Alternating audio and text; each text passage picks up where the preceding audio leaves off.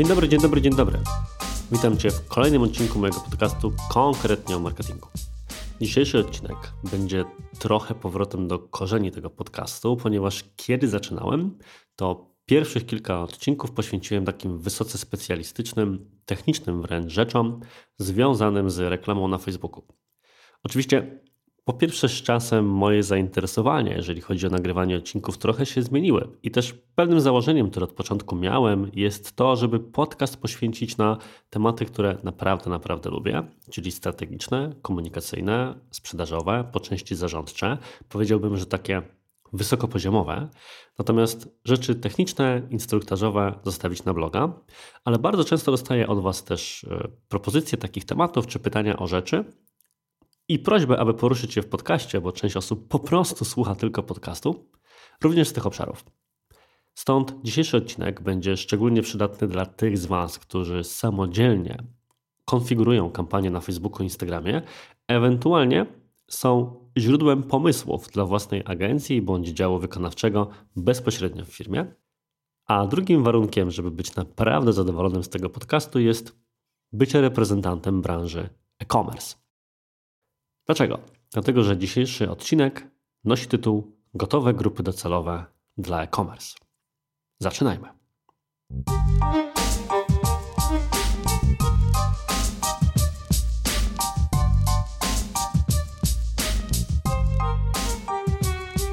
Standardowo kilka założeń na samym początku. Po pierwsze, będę mówił o grupach niestandardowych, moich ulubionych, ale w niestandardowy sposób. Nie będziemy bowiem dzisiaj rozważać, czy wybrać opcję 30 dni wstecz, czy grupę docelową opartą o wydarzenia, witrynę, czy może aktywność na fanpage'u. O tego typu sprawdzonych grupach remarketingowych były już odcinki mojego podcastu, więc zachęcam Cię do sięgnięcia gdzieś w jego przeszłość. Zamiast tego zaś skupimy się na tym, jak przenieść wartościowe segmenty odbiorców które prawdopodobnie już tworzysz bądź analizujesz w Google Analytics czy innych systemach, bezpośrednio do ekosystemu Facebooka. Może korzystasz już z nich w swoim e-mail marketingu, może wykorzystujesz je do analizy opłacalności poszczególnych kategorii produktów czy grup docelowych. Niezależnie od tego, czas przenieść je do social adsów. I mam dla Ciebie cztery propozycje takich grup docelowych, a w zasadzie nawet pewnych grup docelowych, grup grup, tak bym chciał powiedzieć, czyli kilku zbiorów w ramach jednej, powiedzmy, grupy, z których możesz korzystać. Jeżeli po wysłuchaniu przyjdą Ci do głowy jeszcze jakieś inne, daj znać. Bardzo chętnie o nich również nagram, czy wspomnę gdzieś w swoich social mediach, żeby inni też skorzystali na Twojej, naszej wspólnej pomysłowości. Grupa numer jeden to potencjalni klienci wysegmentowani w oparciu o listę mailingową. Umówmy się. E-mail to jeden z ważniejszych kanałów dla e-commerce. Widzimy to realizując kampanie oparte o marketing automation, czy po prostu kampanie e-mail marketingowe dla szeregu naszych klientów właśnie z tej branży. I bardzo często, kiedy mówię, żeby wykorzystywać bazę mailową właśnie w reklamach na Facebooku, to słyszę taki kontrargument, że hej, w zasadzie po co ja mam to zrobić, skoro mogę tym klientom po prostu wysłać maila? I teoretycznie ciężko się z tym nie zgodzić. Natomiast, po pierwsze, pamiętajmy, marketing to coś więcej niż wczoraj kliknął, dzisiaj kupił, więc potrzebujemy co najmniej kilku punktów styku z marką.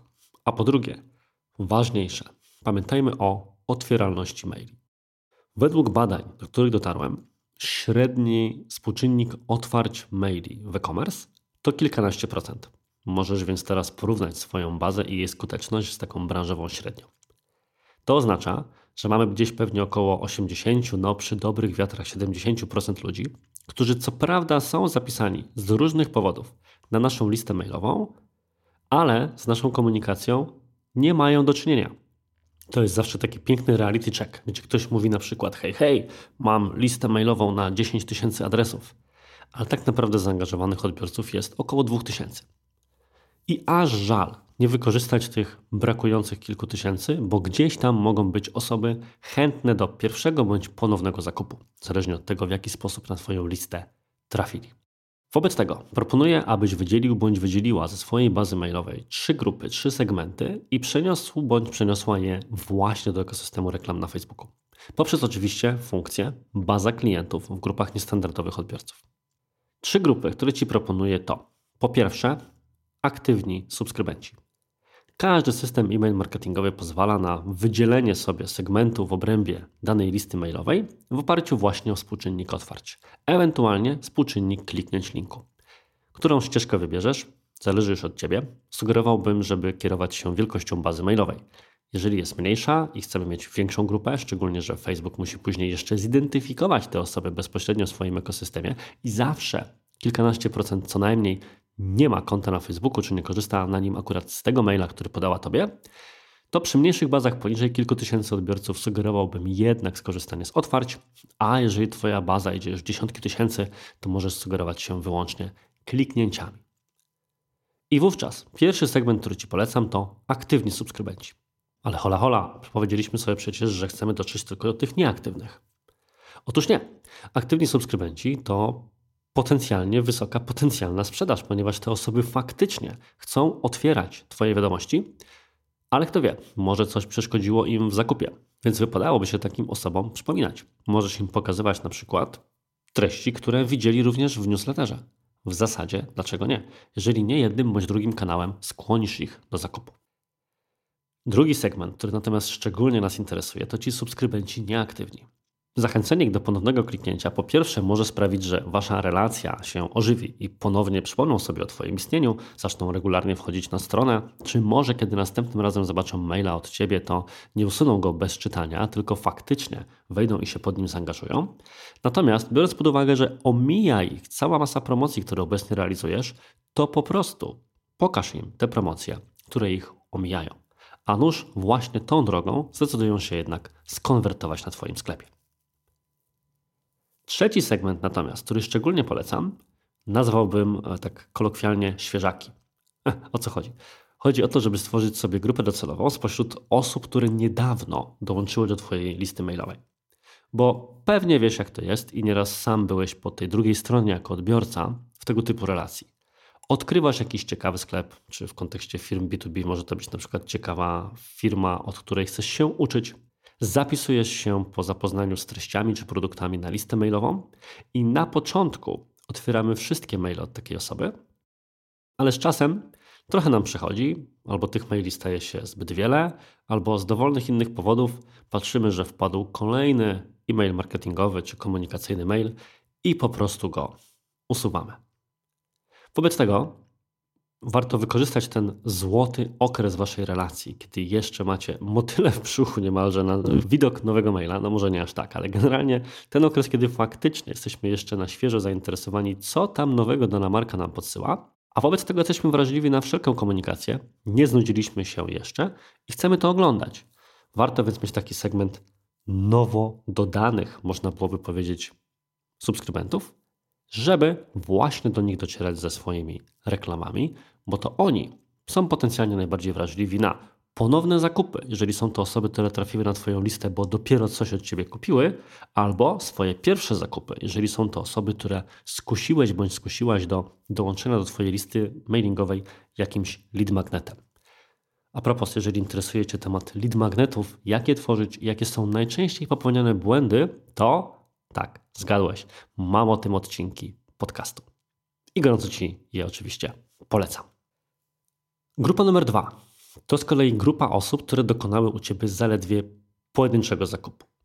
Pewnie nie raz i nie dwa, i nie trzy, i nie sto. Zetknąłeś bądź zetknęłaś się z twierdzeniem, że łatwiej zachęcić klienta do ponownego zakupu niż pozyskać nowego. I jest masa badań, które porównują ze sobą koszty pozyskania nowego klienta kontra powiedzmy, że lojalizacji już istniejącego. Ba, nawet Google Analytics 4 skupia się jako system w całości analityczny właśnie na lojalizacji konsumentów i wszyscy mówią o tym, że należy zachęcać klientów do ponownych zakupów. Więc zastanówmy się, jak to zrobić. Sposobów oczywiście, żeby taką grupę stworzyć w obrębie Facebooka jest kilka, zakładając, że jesteśmy już przekonani do samej idei. Ja polecam Ci następującą. Ścieżka wygląda wówczas tak. Po pierwsze, oczywiście uruchamiasz tworzenie grupy niestandardowych odbiorców, Wybierasz opcję witryna, tak jakbyś chciał stworzyć grupę z ostatnich 30 dni czy kilku dni, ale jako zdarzenie ustawiasz zakup. Zakładając, że masz skonfigurowany oczywiście pixel i wszystko, co za tym idzie, to będziesz mieć taką opcję, ale na tym nie koniec. ponieważ potrzebujemy teraz stworzyć grupę nie ogólnie osób kupujących, ale takich, które kupiły coś tylko raz w danym oknie czasowym. Przyjmijmy, że na przykład byłoby to 90 czy maksymalne 180 dni. Ustawiasz więc taką długość okienka, a następnie, jeżeli chodzi o zdarzenie zakup, wybierasz zawężenie do większa lub równa 2. Czyli osoby, które dokonały co najmniej dwóch zakupów i więcej. Więc teoretycznie ta grupa nie jest zgodna z tym, co chcemy osiągnąć, prawda? Tak nie, ponieważ gdybyśmy mieli tę grupę targetować, to oczywiście nie jest to ta grupa, o której powiedziałem. Natomiast my nie będziemy tej grupy targetować. My będziemy ją wykluczać. Wybierzemy więc jeszcze drugą grupę osób, które dokonały zakupy. Potrzebujesz więc dwóch grup. Jedną grupę osób, które dokonały zakupy więcej niż dwa razy i jedną grupę osób, które w ogóle dokonały zakupu. Czyli tak dość skomplikowanie, ale mówiłem, że ten odcinek będzie techniczny. W tym momencie więc ustawiasz sobie kampanię na konwersję bądź sprzedaż z katalogu na osoby, które dokonały zakupu i wykluczasz z niej tę pierwszą, czyli osób, które dokonały zakupu więcej niż dwa razy. Większej lub co najmniej dwa razy.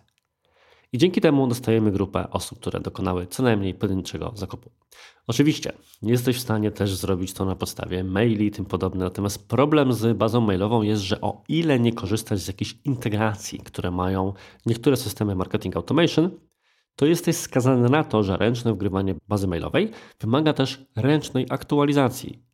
Więc musiałbyś ciągle poprawiać te bazy mailowe, dodając tam wszystkie te nowe jednostki, które dokonały jednego zakupu i nie więcej, i kontrolować to. Natomiast robiąc to na Pixelu, jesteśmy dzięki temu w stanie wykorzystać automatyczną optymalizację wszelkich eventów. No i nie jesteśmy wyłącznie skazani do tego, czy Facebookowi uda się akurat dany mail zidentyfikować, czy nie. Więc sprawa dość skomplikowana, ale jednak możliwa. De facto upraszczając sprawę. Dwie grupy. Grupę, które dokonały zakupu co najmniej jednego jakiegokolwiek, czyli generalnie grupa oparta o zdarzenie purchase i druga grupa osoby, które dokonały tego samego zdarzenia więcej bądź co najmniej dwa razy. Z tej pierwszej osób, które cokolwiek kupiły, wykluczamy tę drugą osoby, które kupiły dwa razy lub więcej i mamy grupę osób, które dokonały zakupu raz. Voila! Możemy im teraz pokazywać reklamy, na przykład ze specjalnym kodem rabatowym, czy inną metodą, żeby zachęcić je do kupienia kilkakrotnie jeszcze. Grupa numer 3 to z kolei odwrócenie tej relacji, bo jesteśmy już bardzo blisko, czyli osoby, które kupiły kilka razy, a więc segment lojalnych konsumentów, żeby zachęcić ich do cross-sellu i upsellu. Jeżeli korzystamy z celu reklamowego sprzedaż z katalogu, to w zasadzie możemy sobie to ustawić półautomatycznie, bo takie opcje zdefiniowane są właśnie na etapie konfiguracji tego celu reklamowego. Ale jeżeli słuchasz tego podcastu i regularnie pewnie dokształcasz się w zakresie reklam na Facebooku, to wiesz, że to nie jest wszystko i że można bardzo wiele osiągnąć w zakresie zwiększenia sprzedaży, korzystając również samodzielnie z celu konwersji, kierując na listingi produktów itd., tak itd. Tak Generalnie więc nie ograniczajmy się tylko do tego, co Facebook nam predefiniuje. Żeby więc stworzyć segment grupy, które kupiła co najmniej kilka razy, wystarczy, że zaczniemy, podobnie jak w przykładzie numer dwa, tworzyć grupę opartą o witrynę, wybierzemy zdarzenie zakup, określimy zakres czasu, na przykład 90-180 dni, jak jest Ci w tym momencie wygodnie i jak szacujesz, że uda się zbudować odpowiednio dużą grupę. I następnie zwiększyć tę częstotliwość oczywiście do konkretnej liczby, na przykład większej lub równej 3. Osoby, które dokonały zakupu u Ciebie co najmniej 3 razy w ostatnim półroczu, to na pewno segment klientów, który można uznać za regularnie powracających. Dlaczegożby więc nie mieć dla nich jakiejś specjalnej oferty, być może ponownie kuponu robotowego, ale może jakiejś innej zachęty do tego, żeby wróciły do Ciebie i kupiły coś raz jeszcze. Natomiast grupa numer 4, ostatnia, którą Ci polecam, to grupa osób o odpowiedniej wartości koszyka. Jednym z moich ulubionych parametrów swoją drogą, który mierzę w reklamie na Facebooku, jeżeli będziesz zainteresowany, to nagram o tym również odcinek, to średnia wartość koszyka.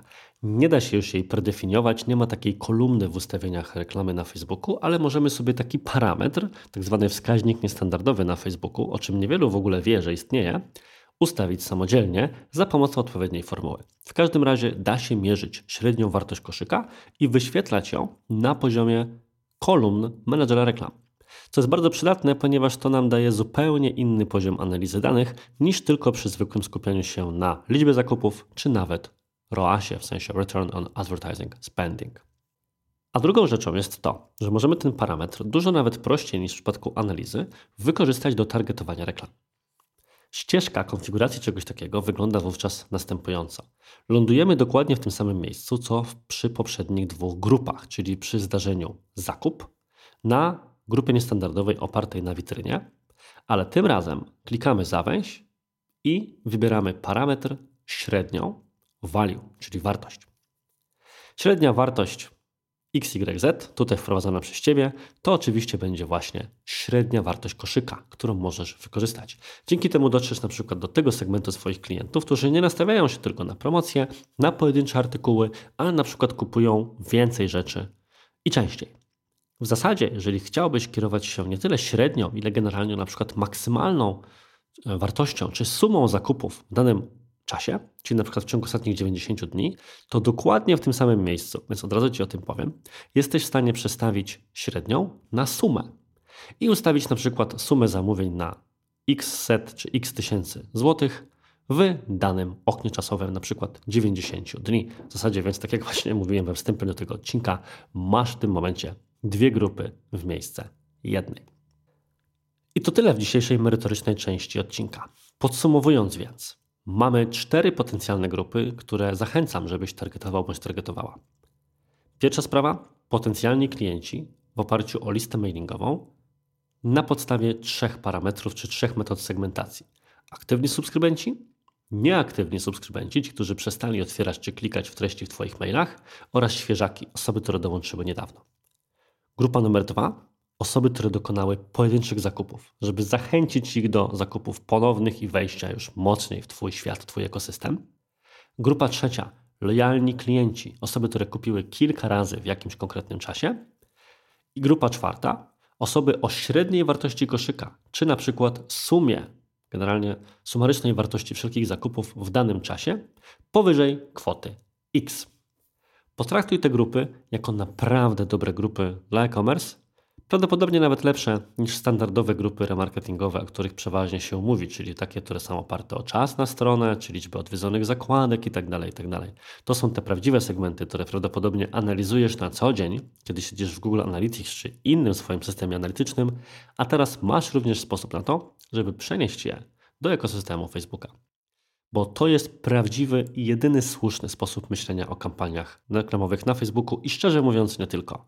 Wziąć rzeczy strategiczne, nad którymi głowisz się codziennie i znaleźć sposób, jak przełożyć się na taktyki do wykorzystania w mediach społecznościowych, czyli jak rzecz strategiczną przełożyć na komponenty algorytmiczne. A żeby takie rozwiązanie znaleźć, to masz właśnie mnie i właśnie ten podcast. Jeżeli więc podobał Ci się ten odcinek, to daj znać. Napisz mi maila, wiadomość lub, co szczególnie będę cenił i za co szczególnie będę wdzięczny, Oceń ten podcast, zostaw gwiazdkę, komentarz w Apple Podcast, Spotify, bo teraz już też można, czy w dowolnym innym systemie, dzięki czemu oczywiście będę piął się wyżej w rankingach. Tymczasem bardzo dziękuję Ci za wysłuchanie tego odcinka, życzę Ci miłego dnia i do usłyszenia w przyszłym tygodniu. Cześć!